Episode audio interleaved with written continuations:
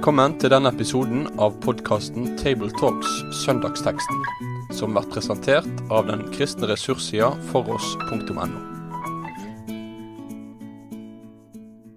Velkommen til denne episoden av podkasten Tabletalks. Ved skjermene i dag sitter Jorunn Sjåstad, redaktør i Bibelleseplan Logos, ansatt i Bibelselskapet. Reidar Valvik, eh, tidligere professor ved MF vitenskapelig høgskole. Og jeg heter Kristoffer Hansen Ekenes og er prest i Delks menighet på Ryenberget i Oslo. Teksten vi skal eh, jobbe med i dag, den står i Lukasevangeliet i kapittel 5. Vil du eh, lese for oss, Jorunn, så er det veldig fint. En gang sto Jesus ved Genesaretsjøen og folk trengte seg inn på ham for å høre Guds ord. Da fikk han se to båter som lå ved stranden. Fiskerne var gått ut av dem og holdt på å skylle garn. Jesus steg opp i en av båtene, den som tilhørte Simon, og ba ham legge litt ut fra land. Så satte han seg og underviste folkemengden fra båten. Da han var ferdig med å tale, sa han til Simon, Legg ut på dypet og sett garn til fangst. Mester, svarte Simon, vi har strevd hele natten og ikke fått noe. Men på ditt ord vil jeg sette garn. Så gjorde de det, og fikk så mye fisk at garnet holdt på å revne. De ga tegn til arbeidslaget i den andre båten at de skulle komme og ta i med dem. Og da de kom, fylte de begge båtene så de var nær ved å synke. Da Simon Peter så det, kastet han seg ned for Jesu føtter og sa, Gå fra meg, Herre, for jeg er en syndig mann. For han og alle som var med ham, ble grepet av forferdelse over den fangsten de hadde fått. På samme måte var det med Sebedeus-sønnene Jakob og Johannes, som fisket sammen med Simon. Men Jesus sa til Simon, vær ikke redd, fra nå av skal du fange mennesker. Så rodde de båtene i land, forlot alt og fulgte ham. Takk, eh, takk, skal du ha for det. Det var jo en uh, ganske kjent uh, scene, dette her, som mange av oss har lett for å kanskje forestille oss for det indre øyet. Vi er her i, i Lukas 5, eh, og vi er med andre ord ganske tidlig i Jesu tjeneste sånn, eh, i Lukasevangeliet. Eh, han har eh, ganske nylig blitt frista av djevelen i ørkenen. Og han har stått frem og forkynt både i synagogen i Nasaret og i Kapernaum. Eh, og han fortsatte å forkynne i synagogene i Judea, står det i, i vers 44, dvs. Si det siste verset i kapittel 4. Ehm, og så er vi nå her, da, og Jesus sto en gang fram. Du, dere har dere lagt merke til eh, Det er ikke så veldig mye opptakt til Jesu offentlige tjeneste før det er ganske mye folk samla, virker det som, eh, i det første verset der. De trenger seg innpå han. Hva er det et uttrykk for? Ja, Vi ser jo allerede i kapittelet foran at uh, Jesus har gjort ting som uh, vekte oppsikt. Uh, når han gjorde under og drev ut onde ånder, så er dette noe som straks gjør at folk begynner å, å snakke om han. Så vi er Det går litt fort egentlig her i, i Lukasevangeliet. Eh, og Det er jo egentlig litt pussig eh, at dette her er eh, kallelsen av Peter og en del av de andre disiplene. fordi dette er vi vant til å lese helt i starten, f.eks. I, i Markus. Der kommer det jo allerede i kapittel 1 at han kaller eh, disiplene ved Genesaretsjøen. Eh, mens her er man liksom kommet i gang med noe av virksomheten, og så kommer kallelsen av eh, Peter. Selv om Peter jo allerede faktisk er introdusert i kapittelet foran. Eh, for eh, i, eh, i 438 så står det at Jesus brøt opp fra synagogen og gikk hjem til Simon. Her lå Simons svigermor syk med feber, og de ba Jesus hjelpe henne. Så Peter er inne i fortellingen, men her blir han først kalt. Så egentlig er det litt sånn Det virker som ikke det er redigert helt godt, dette her.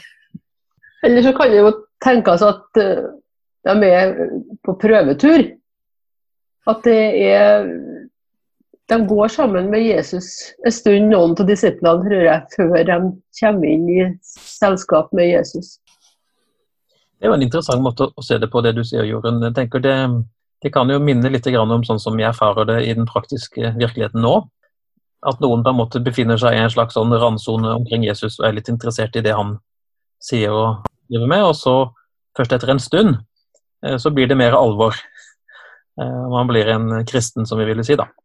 Eh, her er det jo snakk om å bli en disippel, men forhåpentligvis så er jo det noe av det samme. De, de samler seg rundt Jesus, og han For å høre Guds ord, står det. Jeg hang meg litt opp i det begrepet Guds ord. I Det gamle testamentet så finner du det ikke så veldig mange ganger. Da står det først og fremst Herrens ord. Eh, og Hvis en gjør et bibelsøk på Herrens ord, så får en veldig snart opp mange treff i samband med profetenes virksomhet. Og Det var vel i grunnen kanskje sånn de òg oppfatta Jesus, eh, som en slags profet, eller i hvert fall en eh, ganske sånn fargerik skikkelse som hadde noe å fare med. Det var ikke tomsnakk, og nettopp derfor så var det de samla seg rundt han allerede på et ganske tidlig tidspunkt i hans offentlige virke. Så på en måte så tegnes han her inn i, i rekka av um, Moses og Nathan og Salomo, Elia, Jeremia og hele gjengen eh, som en profet med myndighet. Med én viktig forskjell, eh, at Guds ord ikke kommer til Jesus, sånn som det står om profeten i Det gamle testamentet, men her kommer det jo faktisk fra Jesus, virker det som. Det jo en ganske vesentlig forskjell. Og dette kommer folk for å høre. Ja, det er et ganske viktig poeng. Eh, fordi vi har det ikke, og det er interessant, vi har det ikke bare i, hos profetene i Det gamle testamentet, men vi har det også i Lukas 3, når det tales om eh, døperen Johannes. Da står det da kom Guds ord til Johannes. Eh, så han står jo da frem som en profet.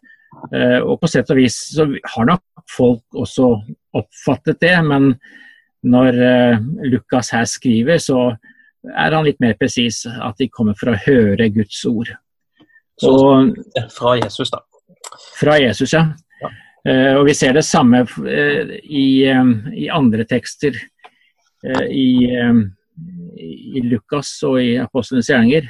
Det er særlig i, um, interessant å ta med lignelsen om såmannen i kapittel 8 i Lukas. For der er det jo slik at når Jesus forkynner, så faller jo Eller ja, såmannens korn faller i ulik jord. Og når Jesus forkynner, så blir det tatt imot på ulike måter. For da sier han at såkornet er Guds ord. Og det er jo det som da Jesus uh, forkynner. Så står han der og forkynner, og så virker det som at han nærmest snur seg til sida for øye på Oi sann, her ligger det to båter. Eh, og da får vi jo plutselig se et litt annet fokus. Da er det disse fiskerne som har eh, vært på jobben og nå er i ferd med å avslutte det de har holdt på med. De er ikke helt ferdig med etterarbeidet, men akkurat mens de holder på med det, så er det Jesus henvender seg til dem og dukker opp eh, og melder seg for dem. Jeg har tenkt at Det er jo en ganske sånn fin illustrasjon på hvordan Jesus dukker opp hadde sagt, og melder seg i vår hverdag. Vi kan bli minnet om det, at det er ikke noe som bare skjer i de helt ekstraordinære situasjonene, men i det helt praktiske og hverdagslige så kan han komme eh, og ha noe på hjertet. Og akkurat her så skjønner vi i vers 3 at han vil låne båten, fordi den egner seg antagelig som talerstol. Jeg har i hvert fall tenkt at det er det som er poenget. Det er det helt sikkert. Det, ja. De som har bodd med sjøen, vet hvor godt lyden bærer inn til land. Og det er nok ikke en ny oppdagelse. Det tror jeg han som har skapt alt mest. Det har de helt sikkert visst, ja. Fordi eh, dette Jeg har jo selv vært ved Genesaretsjøen der og, og, sett hvordan man kan forestille at, seg at Jesus har vært i en båt der ute, og så uh, kommer da lyden inn til, uh, til land der. Det, det, fungerer helt utmerket, det der, altså. En moderne, en moderne høyttaler, rett og slett, dette her, da. Og så legger de litt ut fra land, står det, ikke så langt. Og så gjør Jesus det han ofte gjør. Eh, det er jo en av kjerneoppgavene hans å undervise.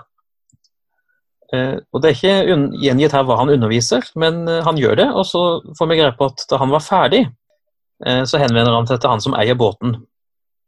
Og det er jo Simon, eller Peter. Og da lurer jeg på, når Jesus sier det han sier der, hva må Peter ha tenkt? Han har vært ute hele natta og fiska, og de har akkurat liksom nesten blitt ferdig med å rydde. Og så sier Jesus 'legg utpå' en gang til. Altså, jeg vet jo at Vi vet jo hva Peter tenkte, for det sa han jo her. Vi har strevd i hele natt og ikke fått noen ting. Men, sier han, og da kanskje han tenker litt tilbake et døgn eller så på svigermor, som nettopp har møtt Jesus og fått og blitt helbreda av han. Sånn at han begynner å ha en viss respekt, for å si det sånn, for de orda som Jesus har sagt. Og derfor så sier han det. Sier at det er du som sier det, da skal jeg gjøre det.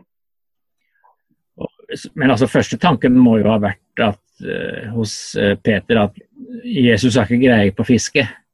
Uh, fordi det å legge ut garn sånn på dagen, det gjorde man jo ikke. Jeg har lest at de garnene man brukte i, på denne tiden, de ville være synlige for fisken om dagen. Og fisk ville da prøve å unngå å gå i det garnet. Derfor ble de brukt om natten. Eh, og når da Jesus altså ber dem kaste ut garn midt på lyse dagen, så er det i strid med all god fiskeskikk, for å si det sånn. Mm. Ja da, og de, de som har prøvd å fiske midt på dagen, vet jo at da blir fisken veldig fort dårlig. Så må være rask med å få dratt opp igjen. Så, men jeg tenkte, de skal jo på en måte bare gjøre akkurat det samme som de har gjort hele tida, nemlig fiske. Så dette kan de. Men det er en vesentlig forskjell denne gangen, og det er hvem som har kommandoen. Eh, de skal gjøre det samme, men ikke på eget initiativ denne gangen. Det er Jesus som tar initiativet. Akkurat som Peter Rau sier, på ditt ord. Og jeg har tenkt at det egentlig er litt viktig. Vi gjør jo òg en del ting i løpet av en hverdag eh, og i løpet av et langt liv, men det er ikke helt likegyldig hvem som har kommandoen og hvem som får lov til å sette oss i arbeid med det vi driver med. Eh, det kan ha innvirkning på resultatet. Ja, og Det er godt mulig at det er et underliggende poeng her. Ellers er det jo en, tenker en sammenheng mellom på ditt ord her i vers 5 og så Guds ord eh, i vers 1. Jesus har nettopp forkynt Guds ord for dem. Og når han da igjen sier til Peter 'gjør sånn', ja, da er Peter allerede overbevist eh, og går i gang. Og det har helt sikkert noe med svigermora å gjøre, det tenker jeg vi får tenke. Og så reiser de ut, da. Eh, og da får de jo eh, denne oppsiktsvekkende fangsten. Eh, den er jo så enorm. Helt parallelt med sånn som Johannes beskriver det i kapittel 21, som, som vi snakka om her for noen uker siden. Og de må ha hjelp fra faktisk den andre båten da, som lå der. Det må jo ha virkelig gjort inntrykk på disse fiskergutta? Utvilsomt. Det var nok ikke det de hadde regna med. Så uh, her er det jo man, det, Dette utsagnet, altså 'på ditt ord', at det er Jesu ord som står bak. Man får nesten sånn inntrykk av at det er sånn skaperord. at her, her, skjer det noe helt spesielt, fordi det er det hele er foranlediget av Jesu befaling. Dette er jo egentlig et under, på lik linje med åndsutdrivelsene og helbredelsene og det andre som Jesus stadig er i gang med å gjøre. Det virker som det er Det var jo et lite sånn sideunder her òg, da. Uh, ikke bare at det var mye fisk, men det var så mye, mye fisk at båtene omtrent gikk ned. Men det gjorde de ikke. Fordi at noen holdt dem opp, da, tydeligvis. Han, uh, for å si det sånn, det var akkurat nok bærekraft i det prosjektet der. Hvis en skal prøve å flytte det over i vår tid. Ehm, men det er jo en viktig ting. jeg tenker altså, Det ville jo vært veldig rart av Jesus å gi dem så mye fisk at de faktisk sank. Det ville han jo ikke vinne mye tillit med. Så jeg tenker Det viser oss noe om hvordan han, ehm, han går frem med oss. Han gir oss akkurat så mye som det går an å bære. Og denne fangsten den er jo symbolsk viktig òg, men det skjønte nok ikke Peter og de kanskje akkurat da. Men for oss som sitter her etterpå, så er det kanskje lett å tenke på den um, store innhøstninga i Guds rike, som skal skje etter hvert som historien ruller frem.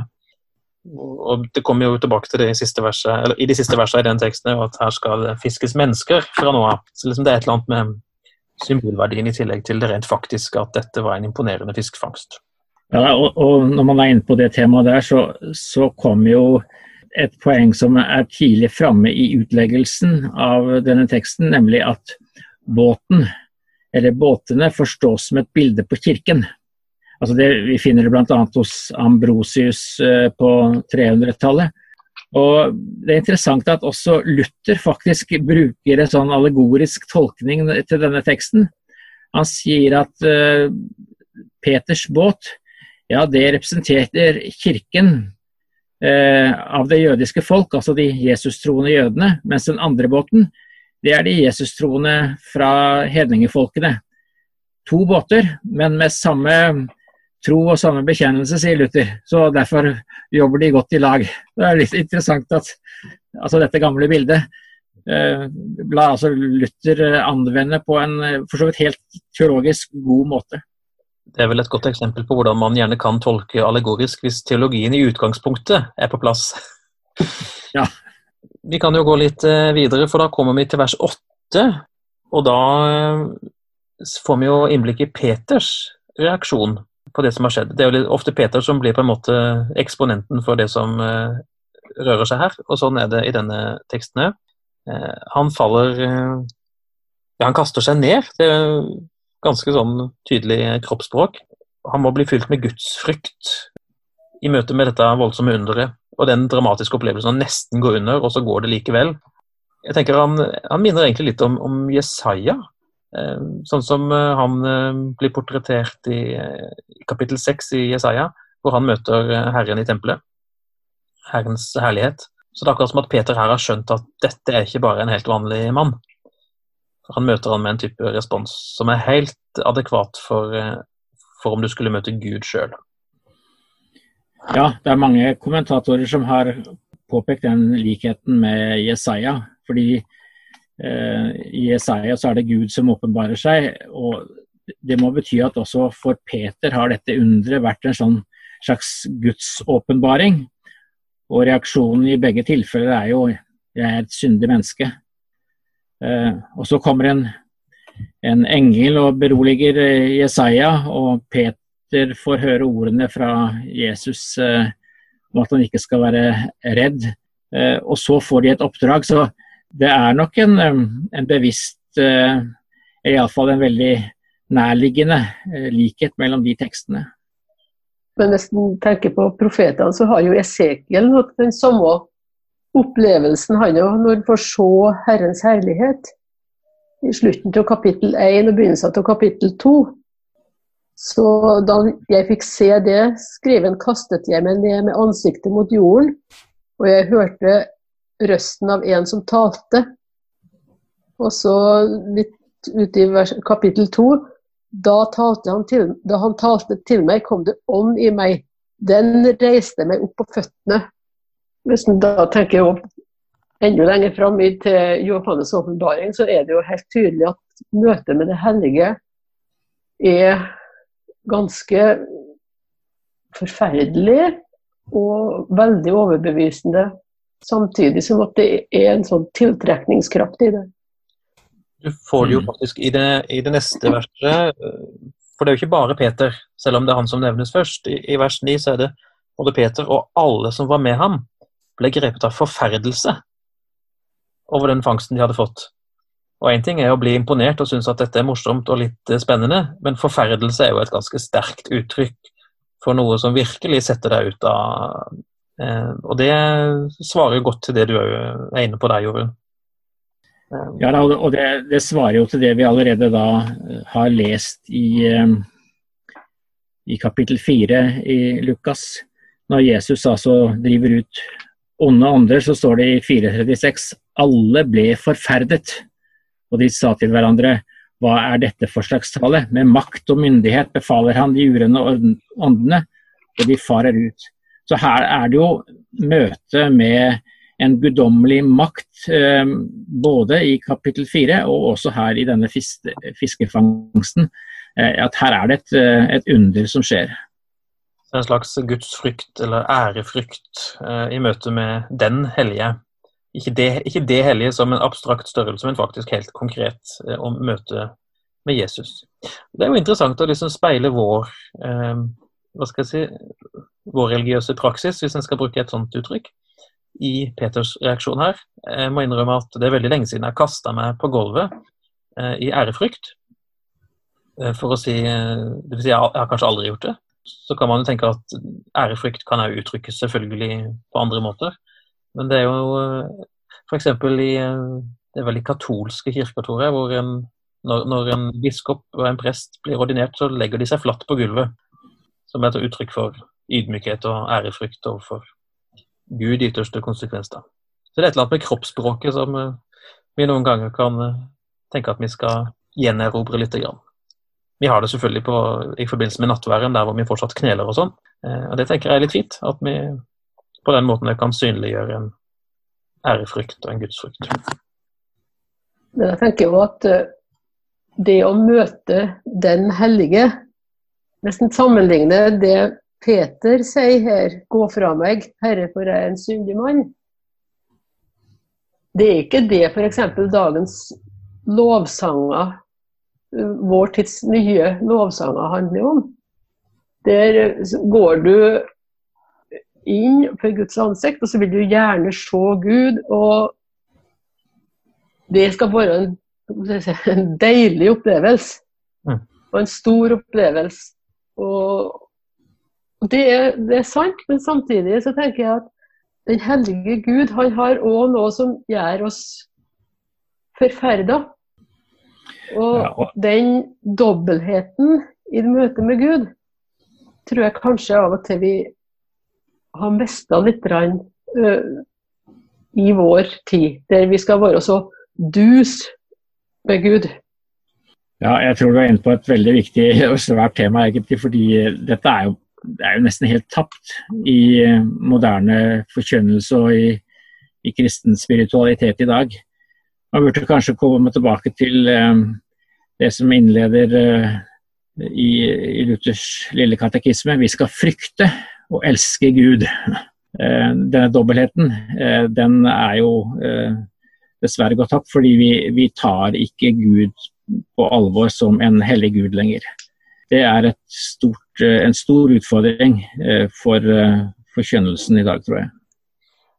Da er den oppfordringa gitt til dere som skal ut og forkynne over denne teksten, og få frem dette perspektivet her på en tydelig måte. Men når vi nå har sagt dette, så er det jo bemerkelsesverdig og viktig, og jeg tenker egentlig et stort poeng i teksten, det at Eh, på tross av det Peter sier, 'gå fra meg, Herre, for jeg er en syndig mann'.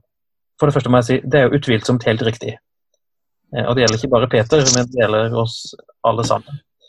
Men til tross for at det er sånn, så blir eh, han beroliga av Jesus. Vær ikke redd. Fra nå av skal du fange mennesker. Til tross for at han er en ufullkommen og syndig mann, så blir han brukt av Jesus i Guds rikes tjeneste. Så det, det, viser jo noe av storheten i Guds måte å arbeide på. At han kan bruke ufullkomne og svake mennesker, som det heter i en, i en bønnetekst et sted, i sin tjeneste. Og Det er jo interessant, da, dette her. Uh, jeg er en syndig mann, og derfor kunne han også ikke være sammen med Jesus. Men Jesus fikk jo faktisk et rykte da, om å være venn med tollere og syndere. Så eh, Peter var jo ikke alene om å være i den kategorien. Så det er et veldig viktig poeng at nettopp de som eh, så seg selv som syndere, de ble Jesu venner. Det var faktisk det, som, det ryktet som gikk om Jesus. Han var venn med tollere og syndere. Det er et godt evangelisk poeng. I høyeste grad. Så eh, kommer vi, vi nærmer slutten av teksten, og da hopper jeg til vers 11. De rodde båten i land, forlot alt og fulgte ham.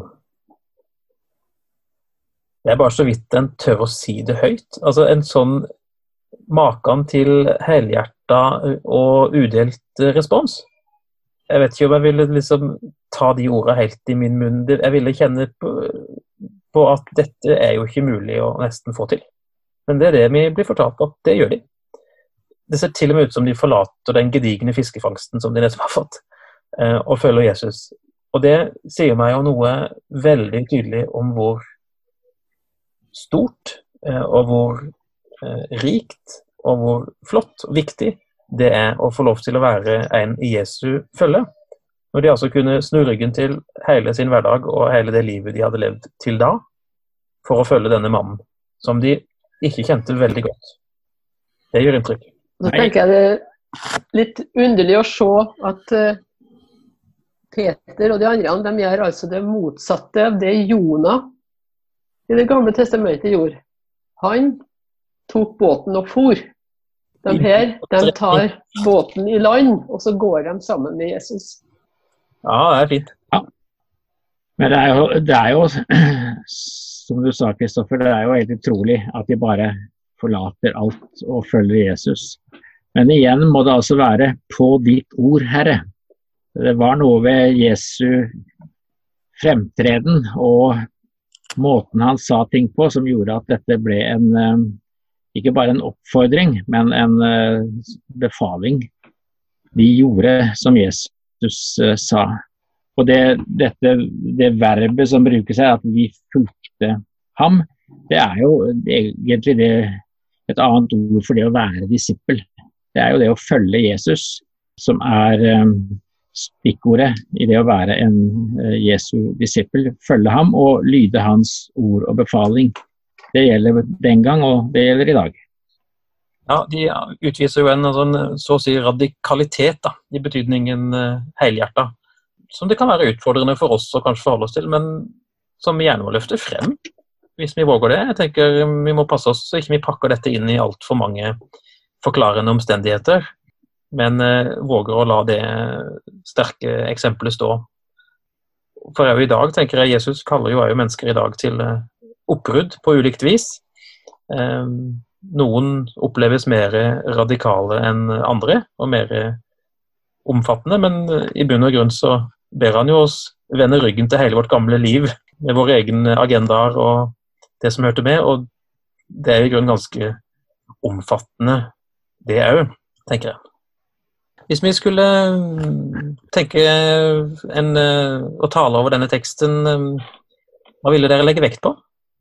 Jorunn? Det som jeg tenker, er det at hverdagsmøter med Jesus kan virkelig være med å forandre et liv. For det var jo det som skjedde for disiplene. Ja, den er jeg med på. Veldig flott. Reidar, hva ville du vektlegge her? Jeg tror nok jeg ville fokusert litt på dette som sies om, om at den som taler i den teksten, det er jo ikke en hvem som helst. Det er en som bringer Guds ord, eh, og som vi vet fra en større bibelsk sammenheng, som egentlig er selve ordet.